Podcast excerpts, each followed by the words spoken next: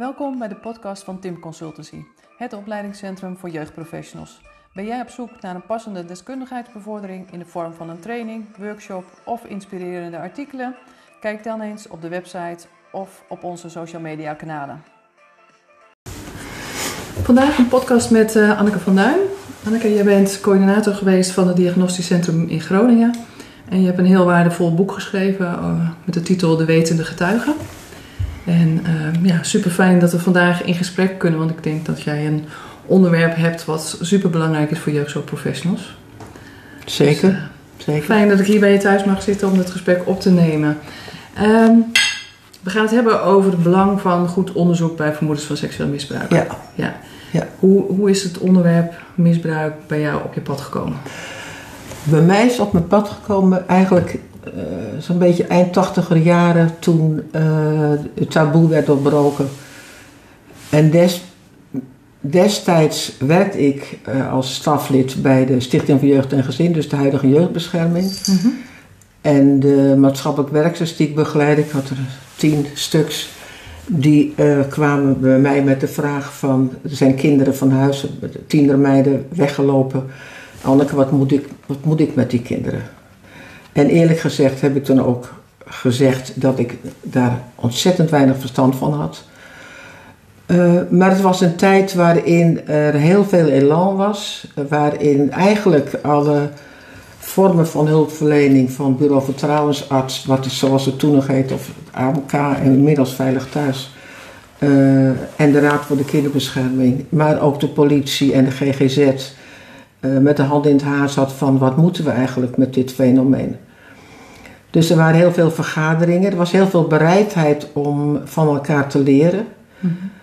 Ik heb Want in... die tienermeiden die weggelopen waren, waren er ook vermoedens van seksueel misbruik? Ja, nou die vertelden dat letterlijk. Ja. ja dus die zeiden, ik word door mijn vader misbruikt, ik wil niet meer thuis wonen. Mm -hmm. En dan is natuurlijk de geëikte route om een, een, een, een pleegadres te organiseren, wat dan door ons werd gefinancierd. Dus in zoverre uh, konden ze, ja, was dat wel op te lossen. Maar om met die kinderen te praten wat er nou feitelijk gebeurd was en hoe dat allemaal in zijn werk ging, dat, die kennis was er eigenlijk niet. Mm -hmm. En ik kwam destijds um, in aanraking door een eenvoudig foldertje met uh, naamloos, met alleen maar een postbus en een telefoonnummer van Betty Meilof. En Betty is dus een van de ervaringsvrouwen die samen met Carla van Lichtenburg in de tijd de, de VSK, de Vereniging Seksuele Kindermishandeling, heeft opgericht. Uh, en Betty woonde hier in de buurt en ik heb haar toen uh, gebeld en ze is toen naar ons toegekomen op mijn werkplek. En met een groepje maatschappelijk werksters hebben wij toen een, een gesprek gehad wat ik eigenlijk nooit, dat schrijf ik ook in mijn boek, wat ik niet meer zal vergeten, want uh, het werd mij zonneklaar dat dat een, een verschrikkelijk lot was die kinderen kon treffen. Zeker als je klein bent en niet weg kan uit huis. Ja. Um, maar goed, Betty heeft dus de ins en outs van, uh, van seksueel misbruik binnen het gezin ontvouwd voor, voor die groep waar ik een stuk vier, vijf maatschappelijk werksters zaten erbij.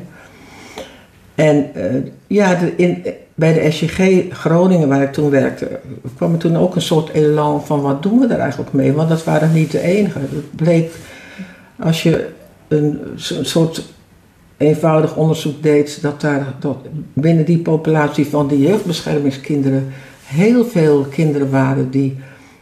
En dan wisten we het nog niet eens van die kleine kinderen, dat, dat waren meer de pubermeiden nog, die, uh, die naar buiten kwamen met dit verhaal. Mm -hmm. Dus zo is het eigenlijk begonnen.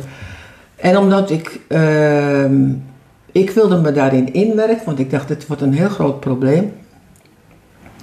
En uh, ik zat dus in allerlei uh, groepen om daarover na te denken.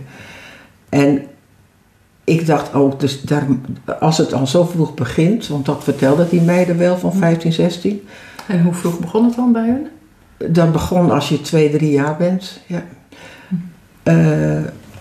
dan ja, dan moet er iets aan diagnostiek, of ik, ik weet niet hoe, maar er moet toch iets zijn die ja. dat oppikt. Um, dat was altijd de bedoeling dat toen nog heette, dus de GGZ, eh, binnen de GGZ Jeugd, ehm, dat op zou pakken. Ehm, maar goed, dat gebeurde dus niet. Mhm. Eh, Ja, het is iets van, goh, als meiden op puberleeftijd of tienerleeftijd komen vertellen van ik word seksueel misbruikt thuis. ja, En je hoort dan zo van, ja, dat is al begonnen toen ik 2, 3 was. Ja. Dus dan is natuurlijk ook dat ontzettende besef van die meiden hebben daar dus heel lang alleen mee gezeten. ja, precies. En ik dacht, hoe kom je er nou, hoe kom je er nou bij om toch eh, dichter bij eh, hele jonge kinderen te zijn, waardoor je eh, jongere kinderen al kan, kan redden eigenlijk, hè? of veilig kan stellen, om het, om het meer in, in, mijn vaktaal te zeggen. En toen waren er gewoon een aantal vrouwen binnen Groningen die, die dat ook eigenlijk wilden, die dezelfde gedachten hadden. En toen zijn wij met, eh, met drie personen zijn wij gestart. En we kregen een, eh, een vergaderzaal binnen de A-borg, waar we eerst alle zware tafels en stoelen uit moesten gooien op vrijdagochtend. En eh, met hele eenvoudige middelen begonnen met die kinderen te praten. Destijds was de politie ook nog niet geëquipeerd. Die hadden dat ook nog niet in huis om kinderen te verhoren. Maar goed, het is ehm, waar we voor een deel op mikten. Is, je hebt natuurlijk de groep van de kinderen die al een disclosure hebben gedaan. Dus de kinderen die al verteld hebben wat er speelt. Ja. Maar daaronder zit een groep veel jongere kinderen die niets hebben verteld. Ja. Ehm, en hoe kom je daar in verschil. hemelsnaam bij? Ja. ja, er is een groot verschil tussen kinderen die al de woorden ervoor hebben en het al durven te vertellen. En durven te vertellen en al zo s- stevig genoeg zijn dat ze dus kennelijk in de omgeving Ja. eh, houvast vinden om met dit verhaal naar buiten te komen. Maar kinderen van 4, 5, 6, 7, dan heb je een heel andere groep voor ogen. Ja. En je zegt dat kinderen gaan vertellen als ze buiten meer houvast hebben. Ja, ja. en als ze letterlijk op eigen benen kunnen staan. Meiden van 14, 15, 16, die hebben vriendinnetjes en die gaan naar school. En die hebben natuurlijk veel, veel grotere context dan die hele jonge kinderen. Ja. Dus uiteindelijk zijn wij eh, begonnen. En eigenlijk, en dat is door de geschiedenis van het diagnostisch centrum steeds doorgelopen. Want we hebben ook wel onderzoeken gedaan steeds. Of eh, eh, surveyonderzoeken van wat, welk voor soort kinderen zijn dat dan? Uit welke, wat zijn de aanvragende instanties? En dat is eigenlijk voor, nou, voor meer dan 50% zijn dat de kinderen die onder toezicht gesteld zijn. Dat is op zich natuurlijk ook een, mooi, eh, een mooie inbedding. Want eh, je- hebt als maatschappelijk werker met een ondertoezichtstelling in je rugzakje een, nou ja, een, een, een uitgangspositie waarin je van ouders dingen kunt verlangen. Mhm. In het vrijwillige kader is dat natuurlijk veel lastiger. Ja. En is het dan ook, er was dan al een ondertoezichtstelling, maar dat had met andere problemen binnen Met andere te problemen te maken, ja. Want, want nog altijd, ik bedoel, dat is niet, niet iets van eh, eind tachtiger jaren waar ik het nu over heb, maar nog altijd is natuurlijk het misbruik van kinderen binnen gezinnen een volstrekt onzichtbaar probleem. Ja. ja. En dat is natuurlijk ook de frustra- grote frustratie, doordat het zo onzichtbaar is. Van hoe, hoe krijgen we daar dan toch meer zicht op? Ja, ja. En, de, en het, rapport van Samson eh, en, en meer rapporten eh, geven steeds meer aan dat hulpverleners, eigenlijk de helft van de hulpverleners, willen niets mee te maken hebben en doen de ogen dicht. Ja. En wat, heb je er zicht erop gekregen wat voor mechanisme dat bij mensen is, waar, waar we het eigenlijk niet aan Ja, dat, daar, heb ik wel ook wel na- over nagedacht. En dat is ook een van mijn motieven om, om eigenlijk het diagnostische centra, of hoe ik, in mijn boek noem ik ze expertisecentra, maar what is in een name, eh, om die in Nederland eigenlijk per provincie uit te rollen. Eh, want het eerste is natuurlijk het feit dat, dat je de kinderen kan onderzoeken en dus kan labelen van dat Ja. kind is misbruikt en dat je er iets mee kan. Het andere punt is dat, ehm, dat zolang er die centra er niet zijn, weten hulpverleners of mensen die al nek zijn aan hulpverlening, eh, niet waar ze ermee naartoe moeten. Mhm. Ja. Los van het feit dat het ook wordt gebagatelliseerd. Van nou ja, het gebeurt nou overal en eh, ja, wat moet ik ermee en, enzovoort. Dus eigenlijk zeg je van als mensen niet weten van wat je daarna dus kunt doen als je het gesignaleerd hebt, Ja. dat mensen het ook liever dus niet willen zien. Nee, mensen willen het liever niet zien. Wat, wat natuurlijk in de literatuur heet die handelingsverlegenheid. Mhm. Dat is voor een deel dat je het niet wil zien. Maar ik vind eigenlijk ook, eh, ik, ik hoef niet zo erg vriendelijk te zijn tegenover mensen die het niet willen zien. Ja. Want ik heb het te veel gezien hoor. Dat mensen dat eigenlijk, dat ze niet durven. Ja. Maar het is ook het punt ehm, dat, dat er geen, eigenlijk geen voorzieningen zijn. En in de huidige constellatie is natuurlijk eh, veilig thuis de, de geëikte eh, plek waar je terecht moet met kindermishandeling. Maar bij Veilig Thuis, dat is, ik citeer een rapport van, eh van Corine Detmeijer, de, de nationaal rapporteur, Mhm. voordat Bolhaar het was. En Detmeijer die schrijft in haar rapport dat slechts 25% van de misbruikte kinderen die bij Veilig Thuis komen, dat die worden onderzocht. Mhm. Dat is dus veel en veel te weinig. Ja. Als je zou zeggen, net omgedraaid 75, dan kan ik er nog enigszins mee leven. Ja. Maar ehm, ik vind dat wel heel, heel weinig, ja. ja.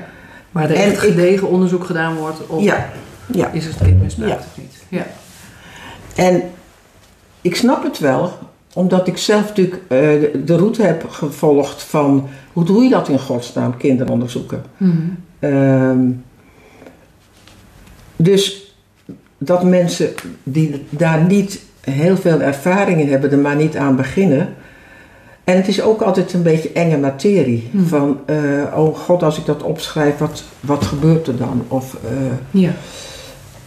maar da- daarom wil ik ook eigenlijk die, die centra in Nederland eh, specifiek gericht op seksueel misbruik van kinderen. Om, ja, eigenlijk om een aantal redenen. Punt 1, omdat je heel veel onderzoek moet doen. Wil je, wil je dat, eh, dat interviewvak in je vingers krijgen? Ehm, want soms denk je ook van, ach, dat lijkt precies op dat kind wat we een maand geleden hadden. En weet je nog wat ze toen zei? Weet je? Dus Ja. de, de, de opbouw van ervaring is heel belangrijk. Ehm, maar ik vind ook dat het centrum een heel duidelijke rol moet hebben in, eh, in een soort eh, toegang met heel laagdrempeligheid voor, Hm. Voor hulpverleners. Ja, want als ze met twijfel zitten, dat ze daar Ja, ook terecht kunnen. ja, Mhm. ja, ja. ja. Dat ik, als ik nu training geef eh, en het gaat over seksueel misbruik, dan bijna wat, wat mensen automatisch zeggen is: ja, maar stel je voor dat het niet waar is. Ja, exact. En dat, dat voelt dan ook altijd zoiets van: van ja, maar dan kies je dus eigenlijk de veilige kant Ja. en eigenlijk de kant van de vermoedelijke pleger. Ja. En het kind wat daarmee zit, Ja. blijft daarmee. Maar het punt is ook, ik heb er ook ergens in mijn boek geschreven, is dat het feit dat je, dat je contact maakt met het kind omdat je vermoedt Mhm. dat er iets aan de hand is, eh, betekent nog niet dat je het moet bewijzen. Ja. Dat, is, dat is een totaal andere, andere situatie. Maar als ik met mijn team onderzoek deed, dan was ik ontzettend blij als maatschappelijk werkers of onderwijzers, of weet ik veel wie die met kinderen te maken hebben, al enigszins eh, met het kind hadden gesproken. Want dat zijn de aangrijpingspunten om iets te kunnen. Ja. En zijn ook de aangrijpingspunten om überhaupt een onderzoek aan te vragen. Dus Ja. als je direct al zegt van, oh dat vind ik eng en ik kan het niet bewijzen en Mhm. begeef me op glad ijs en al dat soort uitvluchten, dan help je dat onderzoek dus niet. En het andere punt is, eh, wat, wat ik ook in mijn boek schrijf op het gebied van de attitude. Als je je zo'n attitude aanmeet, betekent het ook dat je eigenlijk het kind la- bij voorbaat laat vallen. Mhm. Waarom, waarom ben je niet geïnteresseerd in wat een kind thuis overkomt? Ja. ja. En heb je daar antwoord op? Waarom zijn mensen daar niet naar geïnteresseerd? Ze vinden het eng. Ze vinden het eng, ze vinden het naar. Mhm. Er zit natuurlijk ook rondom eind tachtiger jaren de hele discussie omheen van... eh, de Boldekar en uh, Oude Pekela. En je, moet het, je moet het kunnen bewijzen. En mhm. wie ben ik? Ik heb er niet voor doorgeleerd. En weet ik veel wat voor smoezen. Of angsten. Mhm. zelfs zo dat dat ik een keer een training gaf en een groepsleidster dan zegt van, de, nee, ik, over dat soort dingen praat ik absoluut niet met het kind. Uh, uh, dat, dat vermijd ik helemaal, want ik wil niet degene zijn die de vader in de gevangenis brengt. Ja. Alsof je dat zou doen als je gewoon tegen het kind zou zeggen van, je ziet de laatste tijd zo witjes, wat is er met jou aan de hand? Mm Ja. Dus Nee, dus naast, dus naast het uh, discipline, of multidisciplinair onderzoek uh, vind ik een grote poot ook dus de toegankelijkheid voor mensen die ermee te maken hebben. Ja. Het geven van trainingen. Ik, ik heb wel gemerkt dat, dat al die jaren dat ik trainingen gaf, dat die mensen, die hebben een of andere manier toch een stap gezet. En die komen ook met hun kinderen voor onderzoek. Ja. Een ander punt is dat ik denk, we kunnen het nog steeds niet studeren aan universiteiten of hogescholen. Hm. Dus misschien moet er ook een stevige poot aan vast van uh, het geven van onderwijs, opleiden van mensen. Mhm. Want ik, je, je, vroeg me zo straks van uh, wie, wie gaat dat, hoe wil je dat bemannen? Ik zou, ik zou het echt niet weten. Mhm. Ik weet niet wie uh, ervaring of uh, kennis of ook de, de, de moed heeft mhm. om dit soort werk te doen. Ja. ja. Dus eigenlijk, je pleit heel erg voor provinciaal, iedere provincie in ieder geval een goed diagnostisch centrum of een, een expertisecentrum. Um, zodat als mensen vermoedens hebben dat ze daar kunnen overleggen, maar dat er ook grondig onderzoek gedaan kan worden. Ja. En ik hoor je ook zeggen van wat kunnen we doen in nou ja, het brede werkveld, of misschien wel helemaal in de maatschappij, waardoor het onderwerp misbruik meer bespreekbaar is. Ja, ja. Nou ja, dat, dat is een, in feite een ander probleem, maar, uh, maar ook een groot probleem. Mm Dat uh, zo langzamerhand zie je ook dat het woord seksueel misbruik van kinderen eigenlijk ook uit de ambtelijke stukken verdwijnt. Het heet allemaal huiselijk geweld. Het wordt steeds algemener en steeds vager. Een uh, containerbegrip. Het is een containerbegrip. In 1997 heeft Herman Baatman daar een boekje over geschreven. En die schrijft dan ook dat uh, het specifieke van kindermishandeling en, en, en, daarbinnen nog het, het heel specifieke van uh, misbruik van kinderen verdwijnt daardoor helemaal. Ja. Um, het is alsof de maatschappij het niet wil zien. En uh, ik heb wel mhm. contact gehad met de politiek, maar de politiek is ook heel vluchtig. Ja. Um, en de mensen die je dan spreekt, die zijn best geraakt door uh, het feit dat het ja. zo vaak voorkomt en dat het uh, een ernstige invloed heeft op mensen. Maar ja, die verdwijnen dan weer uit de politiek en dan houdt het weer op. Ja. ja, want dat idee heb ik ook. Want eh, in de eind jaren tachtig werkte ik inderdaad als groepsleider en daarna ook wel meidengroepen gedraaid. Toen was het onderwerp heel actueel en, en gebeurde er veel. Je had veel preventie, je had veel verwerkingsgroepen voor meiden. Ja. En ik kan me heel goed voorstellen als je nu werkt uh, in, een jeugd, in de jeugdzorg en je hebt een meisje of een jongen die misbruik heeft meegemaakt, wat kun je ze nog bieden? Waar kun je ze naartoe? Waar, ja. Ehm, dus dat dat ook wel heel complex is. Ja. Nou, binnen Jeugdzorg Groningen is er nog altijd een groep, ik weet niet hoe die groep heet, eh, die heeft dus te maken met seksueel geweld en die, die, die, die doen allerlei, hebben allerlei initiatieven op dat gebied. Maar goed, dat zijn dan dat mhm. zijn nog van die hele vage restanten, zal ik maar zeggen, van die eind tachtiger jaren. Dus dat moet eigenlijk allemaal weer een goede Ja, dat moet zeker. Dat moet zeker uh, Omdat het ook het is niet opgehouden in de tijd, zou ik maar zeggen. En uh, ja, uh, ik vind het toch een van de naaste dingen die kinderen kunnen overkomen. Mm en, uh, en als je dan in een gezin komt als maatschappelijk werkster of, of van de school of weet ik veel wat, of sportleraar, ja. dat, je, dat je dat onderwerp eh, aan moet snijden. Mhm. Ja.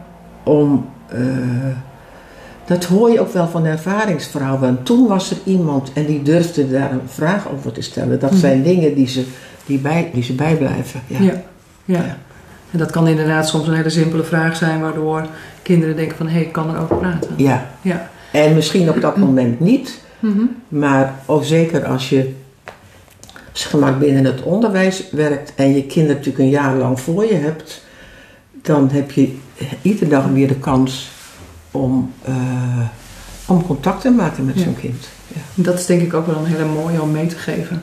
Zo, Ja. Je hoeft het niet in één keer allemaal Nee, los nee. te peuteren of Nee. op tafel te krijgen. Nee, en ik kan me voorstellen dat als mensen dingen aan mij vragen als, als ik me eh, voorstel dat ik kind ben en ik wil daar niet over praten of ik durf het niet of ik ben bedreigd, ik mag er niet over praten, dat ik al lang blij ben dat iemand min of meer er weet van heeft, maar ik kan er niks over zeggen. Maar als je daarin inleeft kun je ook voorstellen dat als zo'n zo'n juffrouw de tweede of de derde keer Mhm. dat je dan toch een beetje moed hebt eh, verzameld om er misschien wel iets over te Ja. zeggen. Ja, en, en zou dat ook mee kunnen spelen dat als je dan het, het idee hebt van gewoon je weet dat. En er gebeuren niet zulke erge dingen als we, waar je misschien mee bedreigd bent. Of je vindt je niet opeens heel raar. Ja. Dat dat ook weer een beetje zelfvertrouwen kan geven. ja, en ook dat er iemand is die, eh, een volwassene die er, eh, die er weet van heeft. Niet meer zo Eh, alleen bent. Dat je minder alleen bent, ja. Ja, mooi. Ja. En, en als je kijkt van hoe eh, de onderzoeken ging bij het diagnostisch centrum, van wat, hoe ziet een goed onderzoek eruit? Moet daar Ja. gebeuren? Nou, het is, eh, om het maar even eh, te zeggen, het is een hypothese-toetsend eh, onderzoek. Dat betekent dat, dat de hypothese is, dit, ook al heb je, ik weet niet hoeveel eh, fenomenen, maar dit kind is niet seksueel misbruikt. Dat is de hypothese. Hm. Dus je moet van de andere kant af gaan werken, dat je, dat je materiaal verzamelt waaruit blijkt dat het wel, wel misbruik Hm. is. Eh, we begint met het verhaal dat eh, ouders geen onderzoek kunnen aanvragen, want het moet een van de manieren voortgedragen kunnen worden als er van alles aan de hand is. Dus dat moeten instanties doen. Ehm, dan eh, was ik degene als coördinator die uitgebreid met instanties sprak, want heel veel materiaal staat niet in rapporten, maar zit in hoofden van mensen. Eh, of er staat, er zou sprake geweest zijn van seksueel misbruik, punt. Hm. Wat mij helemaal niets zegt, op basis waarvan zit, zeggen mensen dat in een rapport. Ja. Dus ik probeer, ik, ik voelde me altijd net een detective. Ik probeerde van alle mogelijke kanten dingen op te vissen. Ook als kinderen een half, half of een heel jaar bij, eh, bij hadden gewoond van... Is daar iets opgevallen? Dus Hm. je verzamelt zoveel mogelijk materiaal. Dan wordt er dus door de eh, afdeling van het maatschappelijk werk, zal ik het maar noemen, eh, met eh, de ouders gesproken. Mhm. Je snapt dat, daar, dat het ingewikkeld is als er nog niets over het misbruik bekend is, dan wel dat er al wel iets bekend is. ja. Of Maar goed. zelf al gesproken hebben over van hé, hey, er Ja. gebeurt iets met mijn kind. Mhm. Ja.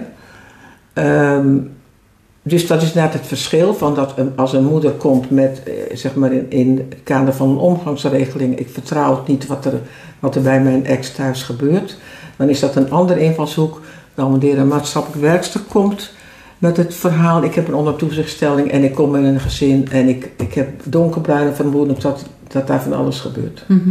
Van Ja. hoe ga je daar dan mee om? Dus dat zijn de, de, de startpositie van een onderzoek is iedere keer weer anders. De laatstgenoemde is natuurlijk de meest ingewikkelde, dat snap je.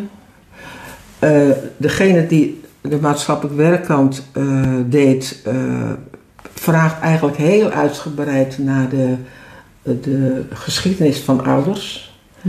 Ehm, en dan wordt toch de vraag gesteld van, eh, de, de, het kind is aangemeld, er zijn ideeën over dat het niet goed gaat met dat kind en mogelijk speelt ook seksueel misbruik een rol.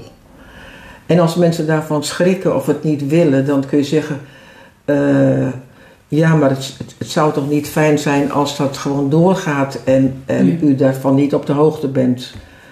eh, dat de buurman of de oom of weet ik veel wie het doet. Dus Mhm. een van de manieren he- heeft die medewerker altijd de, eh, ja, de kracht gehad, of de overtuigingskracht gehad, moet ik zeggen, Mhm. om eh, mensen het, het nut van zijn onderzoek in te laten zien. Eh, dus dat is, dat is een stuk. eh, dan komt het kind met zeg maar de moeder en de vader. Vader was er meestal niet bij hem, maar het is bij een dokter ook niet. Dus dan komt de moeder met het kind. En dan wordt tijdens dat gesprek uitgelegd aan het kind dat het voor een deel eh, mag spelen en voor een deel een gesprek plaatsvindt. En aan de moeder wordt gevraagd om het kind toestemming te geven om bij ons alles te mogen zeggen. Ook wat je een beetje raar vindt, of wat je een beetje moeilijk vindt, of wat verdrietig is. Je mag bij die mevrouw alles gaan zeggen. Die moeder, soms niet altijd, maar meestal begeleidt de moeder dat kind nog tot aan de onderzoeksdeur, Mhm. waarin de moeder nogmaals zegt van eh, Marietje, je mag aan deze mevrouw alles vertellen. Ja. Dus dat is niet alleen in woorden toestemming geven, maar ook door het kind er naartoe te Ja, precies. Mhm. ja. En het is ook wel eens zo geweest dat eh, als je een kleintje hebt van een jaar of vier, dat het kind eh, dat eng vond om in er eentje in die kamer te zijn. En dan allemaal om de moeder zat te roepen. En dat we de moeder uit de wachtkamer hebben gehaald. En dat de moeder er gewoon bij zat. Mhm. En het kind dan toch precies vertelt wat er aan de hand Ja. was. Dus dat is, dat is één. Alle onderzoeken worden opgenomen op, eh, op video en op audio. Dus Mhm. de teksten ook. Eh, alle onderzoeken worden dus gecoacht. Eh, dus je doet, als je aan het werk bent met het kind, het nooit alleen. Mhm. Ehm, dan komt er een, de week daarna een tweede onderzoek. Van hetzelfde, dus het tweede interview. Ehm, intussen is via de huisarts van de familie wordt een verwijzing georganiseerd naar eh, kinderarts. Ehm, dat moet je gewoon financieel zo organiseren. Mhm. Eh, dus de kinderen worden gezien door een kinderarts. En bij het tweede interview is aanwezig achter het screen eh, een kinderpsychiater.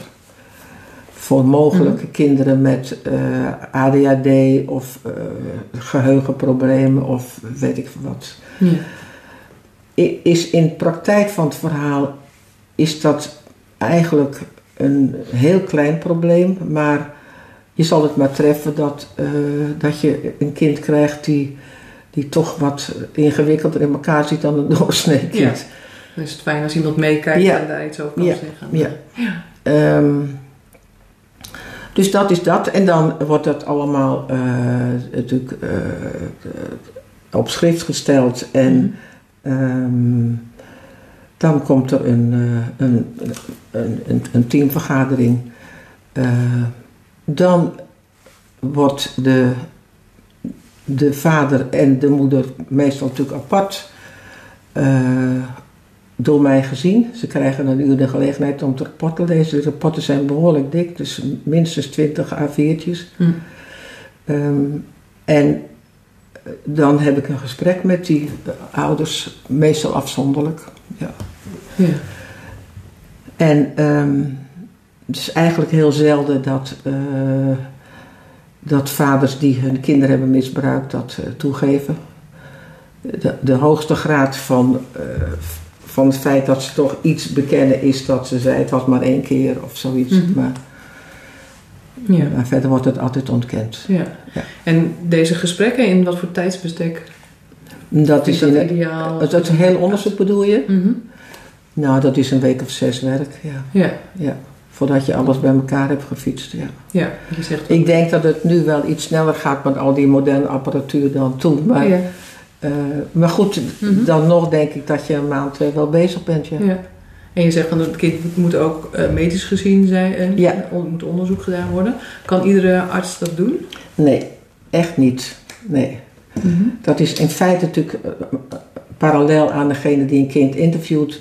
Je moet het heel veel gedaan hebben. Ja. Wil je echt iets zien bij kinderen? Mhm. Dus de kinderarts die aan het DC verbonden was, heeft dus al onze kinderen gezien. Mm zag dus überhaupt als kinderarts kinderen. Maar uh, dat heeft eigenlijk ook in het gedeelte wat hij in mijn boek heeft geschreven, uh, het komt eigenlijk maar heel zelden voor dat je medisch gesproken iets vindt. Hm. En daarom vind ik zeg maar, een, een moderne opzet van dit soort ja. uh, werk, waarin het medische en het forensische uh, het primaat heeft, mm -hmm. vind ik heel gek. Want medisch gesproken is er bij die kinderen nauwelijks iets te zien. Zeker bij jonge kinderen, dat is zo plastisch nog. Dat is binnen een week of 14 dagen of zelfs bij heel jonge kinderen binnen 48 uur is, is er niks meer te zien. Ja.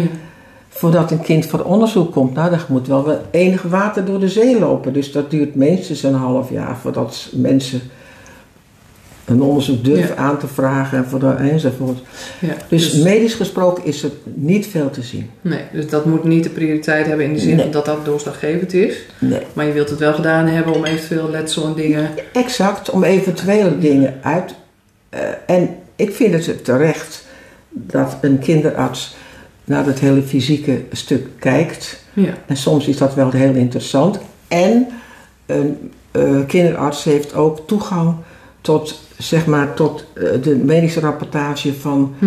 de tijd dat het kind eh, tot nu toe heeft geleefd. Dus Ja, ik heb ja. ook wel kinderen eh, gezien, of als vrij jonge kinderen, ook vierjarigen, die als tweejarige eh, langdurig in het ziekenhuis hebben gelegen. En dan denk ik, waar, wordt, waar was dat dan allemaal voor? ja, en een kinderarts heeft dan toegang tot dat materiaal. precies. Dat je weet van is er in het verleden letsel geweest. Ja, Mhm. ja. ja. En een goed kindinterview. Wat, wat, Ja, dat is, dat, dat is op zich een kunst.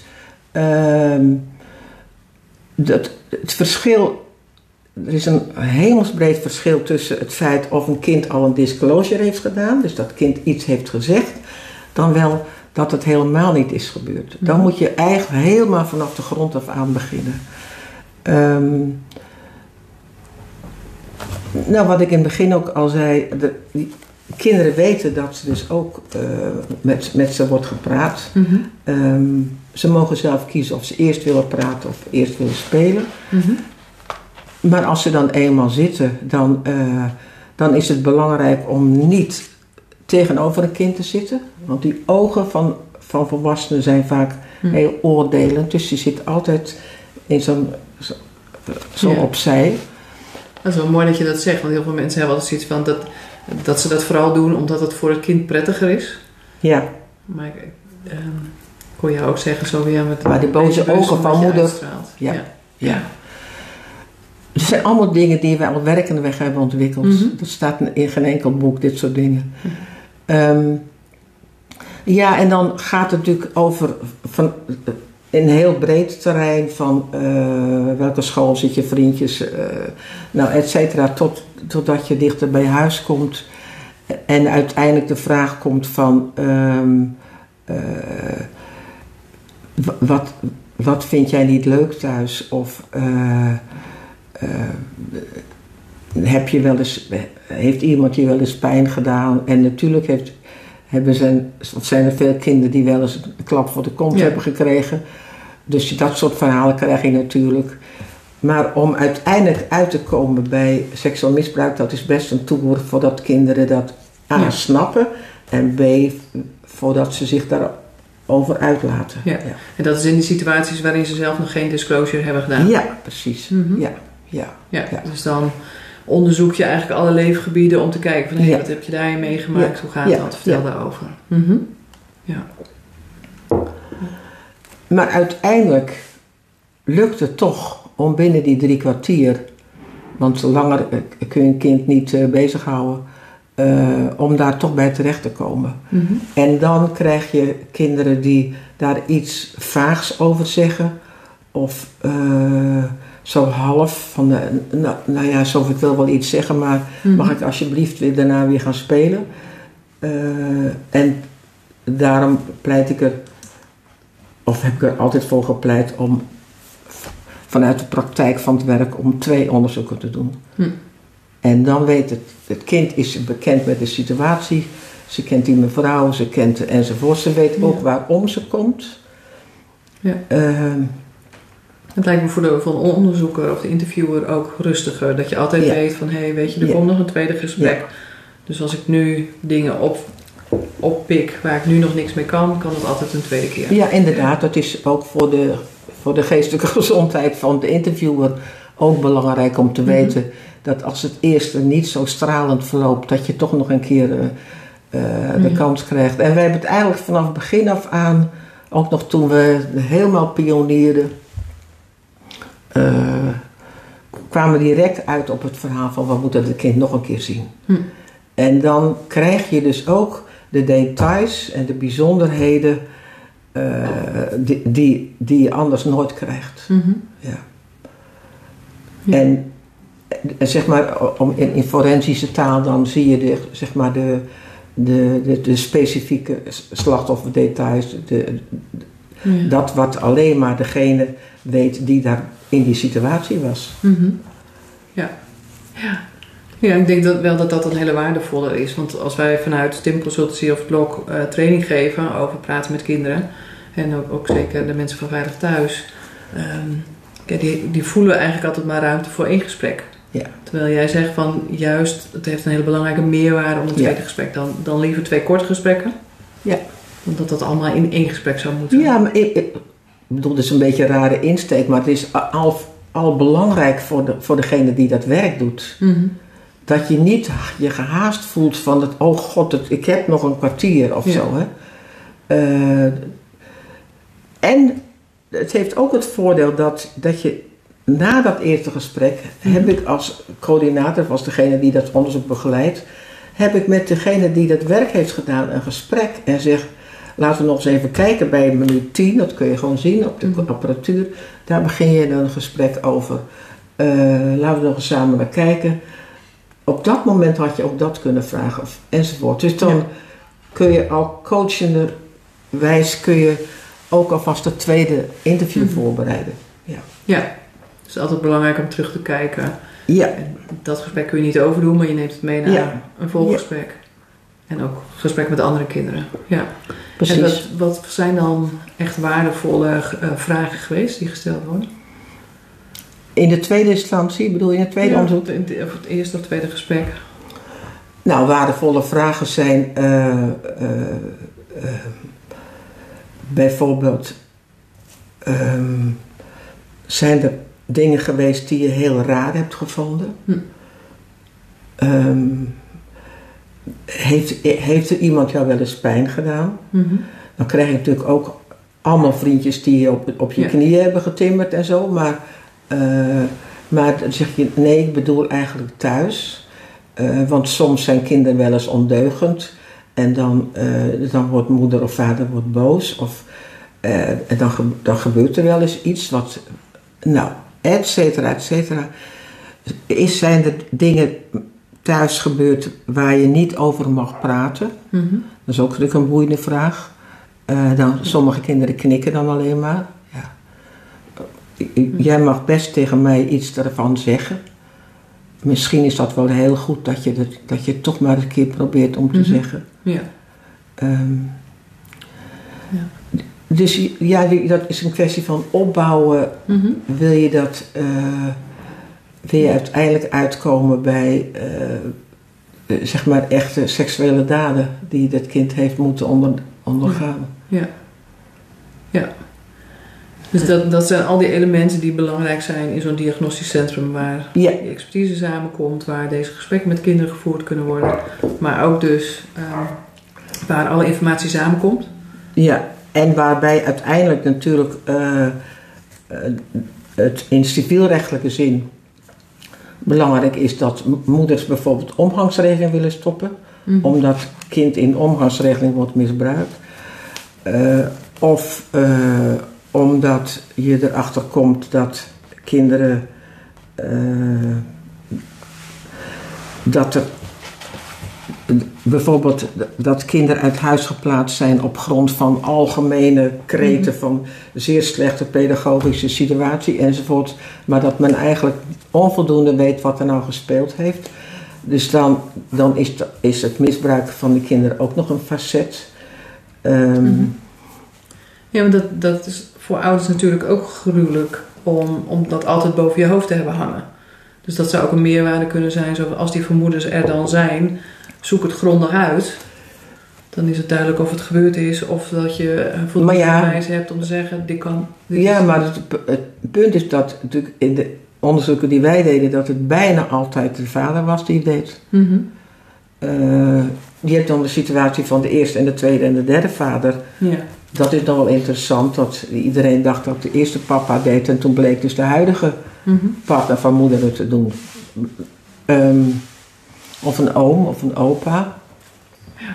Eh, nou ja, weet je, bijvoorbeeld eh, zo'n situatie van, dat is een maatschap, algemeen maatschappelijk werk, Mhm. die, eh, die hebben binnen Friesland een cursus van mij gewild.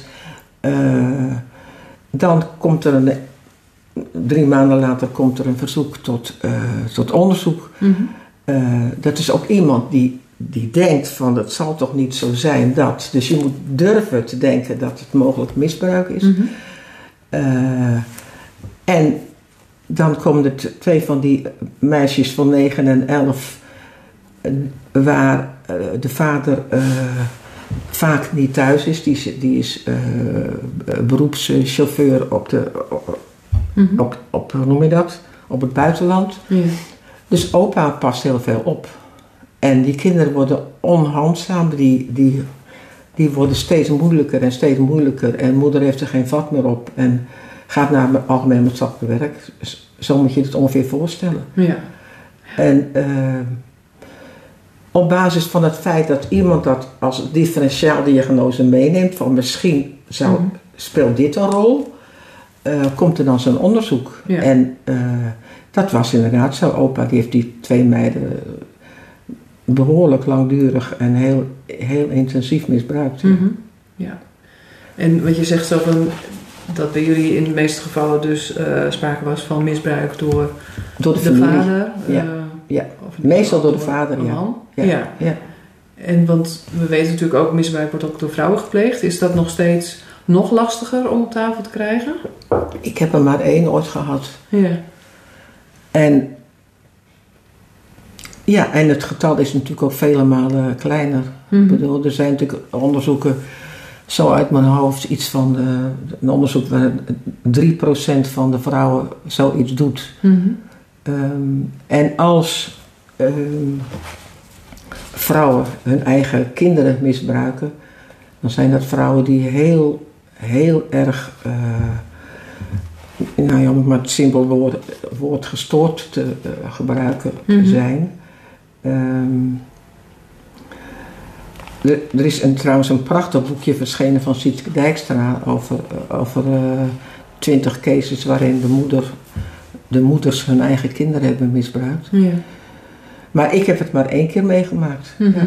Wel, het is wel zo dat eh, een behoorlijk aantal moeders faciliteren. Eh, de, de, de bekende Mhm. tekst van, wat- dat wordt altijd, altijd gevraagd. En als dat dan met jou gebeurde, als papa dat deed, of je de pleegvader, of wie dan ook maar. Waar was je moeder dan? En, Ja. en ja, die was dan eh, beneden. Of die, eh, mijn moeder bracht bier. Mhm. Mijn moeder maakte foto's. En Ja. ook nog. Ja. Ja. Ja. Ja, en dat, dat merkte ik zelf in mijn werk als gezinsvoogd, dat dat voor kinderen ook ontzettend ingewikkeld is. Ja. Een meisje die eh, eh, elf was en op, op een gegeven moment op de basisschool tegen juf vertelde dat ze misbruikt werd van vader. En nou, op een gegeven moment dat ook duidelijk werd, ja, mama was er ook bij, die lag ook in bed. Ja. Dat dat ook een heel ingewikkeld stuk voor haar Ja. was. En dat ze eigenlijk ook zoiets had van, ja maar, en mama was dan ook boos op mij. Ja. Ja. Dat maakt de dynamiek natuurlijk super ingewikkeld voor, Ja. eh, voor kinderen. Nou ja, ook in de dynamiek dat je de moeder als de, de al, de- degene die altijd kinderen redt, dat die in zo'n Hm. situatie je niet meer redt, maar meedoet. Ja. Ja. Ja. Oké. Ja. En nou ja, mooi denk ik hè, hoe je beschrijft van wat voor stappen daar allemaal in nodig zijn voor een goed eh, Ja. gedegen onderzoek. Ja. En ehm, Het andere stuk is het hoe kunnen we dit sneller opvangen, uh, ja, signaleren, uh, merken. Dat, dat we die hypotheses vaker toestaan. Wat is daarvoor nodig? Ja, daarvoor, daarvan denk ik dat de, het verhaal of de, de poot van uh, opleiding en training Hmm. van, ehm, van mensen die, die met mensen gaan werken, of het nou een onderwijzer is of maatschappelijk werker of een kinderverzorgster, noem het allemaal maar op, pleegster ook, hè, uh, dat, die, dat binnen hun opleidingen uh, het thema seksueel geweld aan de orde moet komen. Mhm. En seksueel geweld dan misschien wel in de brede zin, dus ook uh, tussen partners, maar, maar ook naar kinderen toe. Ja. In, het, in het kader van dat, dat, dat Groningse plan voor een integrale uh, benadering Mm-hmm. Hebben wij ook gesprekken met de hogescholen. Hoe, hoe vaak en hoeveel krijgen mensen die maatschappelijk werk Mm-hmm. studeren vier jaar lang eigenlijk dit thema? Ja. ja. En ja, vaak waarvan ik ook altijd... een minor, dat, dat moeten ze dan zelf voor kiezen. Ja. Maar ik heb ook gemerkt, ook in de, uh, in de, trainingen die ik gaf in Amsterdam aan de opleiding voor psychotherapie, dus die kindertherapeuten, dat, uh, dat eigenlijk het, uh, het gedachtegoed rondom dit, dit fenomeen eigenlijk je kunt, kun je veralgemeniseren naar, naar een soort beroepshouding. Mm-hmm. Uh, het feit dat je aan mensen dingen durft te vragen waarvan je denkt, kan ik dat eigenlijk wel vragen? Dat is al bijvoorbeeld één ding. Maar er zitten tal van elementen in die eigenlijk te maken hebben met, met het werk wat je moet doen als je met mensen werkt. Ja. En ik snap eigenlijk nog steeds niet waarom, waarom zo'n vak niet, niet wordt gegeven op school. Nee. Dus dat is iets wat nog een andere missie voor je is. Van hoe kunnen we zorgen dat binnen het onderwijs het een, ja, een plek zeker, krijgt. Zeker, ja. ja. Ik, want ik, heb, ik heb dat zelf ook altijd met, uh, met heel veel liefde gedaan. Ik heb ook op de Hans Hogeschool wel een jaar lang uh, les over gegeven aan het maatschappelijk werk op, uh, mm-hmm. opleiding. En die mensen waren, die waren ook ontzettend dankbaar. Zo van, ja. wat fijn dat ik dat nu eindelijk weet. Want ze hebben allemaal fragmentarische ja. kennis. Ja. Ja, dat merk ik inderdaad ook als ik vanuit Tim Consultancy training geef en uh, ga over gesprek met kinderen of over maken van veiligheidsplannen. Dat inderdaad dat thema seksueel misbruik, dat als je het daar met elkaar over hebt. Uh, ja. het is inderdaad ook een onderwerp waar mensen het liever niet over hebben, maar tijdens zo'n training, als het aan bod komt, dan hangen ze bijna aan je lippen. Zo ja. van, ja. Iedere kleine handreiking of tip of wat dan ook ja. wordt wel uh, omarmd. Ja. Ja. En ik vind ook en ik heb dat ook in mijn, in, volgens mij in hoofdstuk 2 neergeschreven, dat het, je begint bij het begin. En het begin is, wat heeft dit onderwerp met mij te maken? Hm. Uh, en, en dat betekent dat ik dan ook direct zeg van, uh, uh, zeg niet meer dan je wilt zeggen. Dus dat doen kinderen ook niet. Mm-hmm. Dus er zitten ook allemaal zo die dubbele verbindingen in. Ja. En het andere oefening die ze nog ingewikkeld vonden, nou, lijkt, lijkt de eerste oefening betekenen dat als je in een groep werkt met bijna alleen maar vrouwen, wat vaak is op dit soort opleidingen, dat uh, nou tussen de 80 en de 90 procent mm-hmm. van de vrouwen heeft op een of andere manier ervaring met seksueel geweld. Dat, dat is raar Dat is een heel hoog aantal. Van heel licht tot heel ernstig. Mm-hmm. En uh, er waren ook vrouwen die voor het eerst, als, nou er waren allemaal vrouwen boven de 40, voor het eerst ermee naar buiten kwamen. Ja. En zich daar ook voor schaamden. Maar, uh, dus je moet verbindingen maken met je eigen leven, maar ook in, in, de, in de gebieden als uh, seksualiteit en gender. Mm-hmm. En, maar ook het, het verhaal van de machteloosheid. Ja. Wanneer ben je, uh, heb je in je eigen leven machteloosheid meegemaakt? Want seksueel misbruik is natuurlijk een, mm. uh, een onderwerp wat alleen maar machteloosheid uitstraalt. Dus eigenlijk het begint met ken je eigen geschiedenis en de impact daarvan. Ja, en maar kun je ook je verbinding maken vanuit je eigen leven met die kinderen? Want het wordt zo apart en ver weggesteld. Ja. ja. Terwijl, terwijl wij niet heel veel anders zijn. Mhm. Nee. En daarin, die behoefte die je zelf misschien als kind hebt gehad, Ja, geldt ook voor de kinderen. was je ook blij dat er iemand je, je hielp? Of, eh, Ja, ja. Mooi. Ik denk dat je al hele mooie dingen hebt meegegeven over ja, hoe, hoe gaat zo'n onderzoek, wat is, wat is daarin belangrijk. ja, Maar ook in onze eigen mindset, denk ik. ja. En Er valt nog heel veel meer over te vertellen. En gelukkig heb je daar inderdaad ook je boek over geschreven. Dus als mensen nog meer willen weten, vooral het boek eh, De Wetende Getuigen gaan lezen. En we zullen in de voetneus van de podcast ik zal ook even de link neerzetten, zodat mensen dat goed kunnen vinden. Zijn er nog dingen eh, waar we het ni- niet over gehad hebben, wat, waarvan je zegt, nou dat wil ik in ieder geval nog gezegd hebben? Nou ja, wat me natuurlijk wel benauwt is eh, het feit van hoe, hoe krijg je überhaupt dit soort centra in Nederland eh, overeind. Gezien ook het MDCK in Hoofddorp, wat dan natuurlijk vrijwel onthoofd is. Dus Ja. een, wat een, ander, een beetje ander model dan zoals ik het heb opgezet ooit. Maar goed, het is een, een, een Amerikaans model wat in Amerika heel veel gebruikt wordt.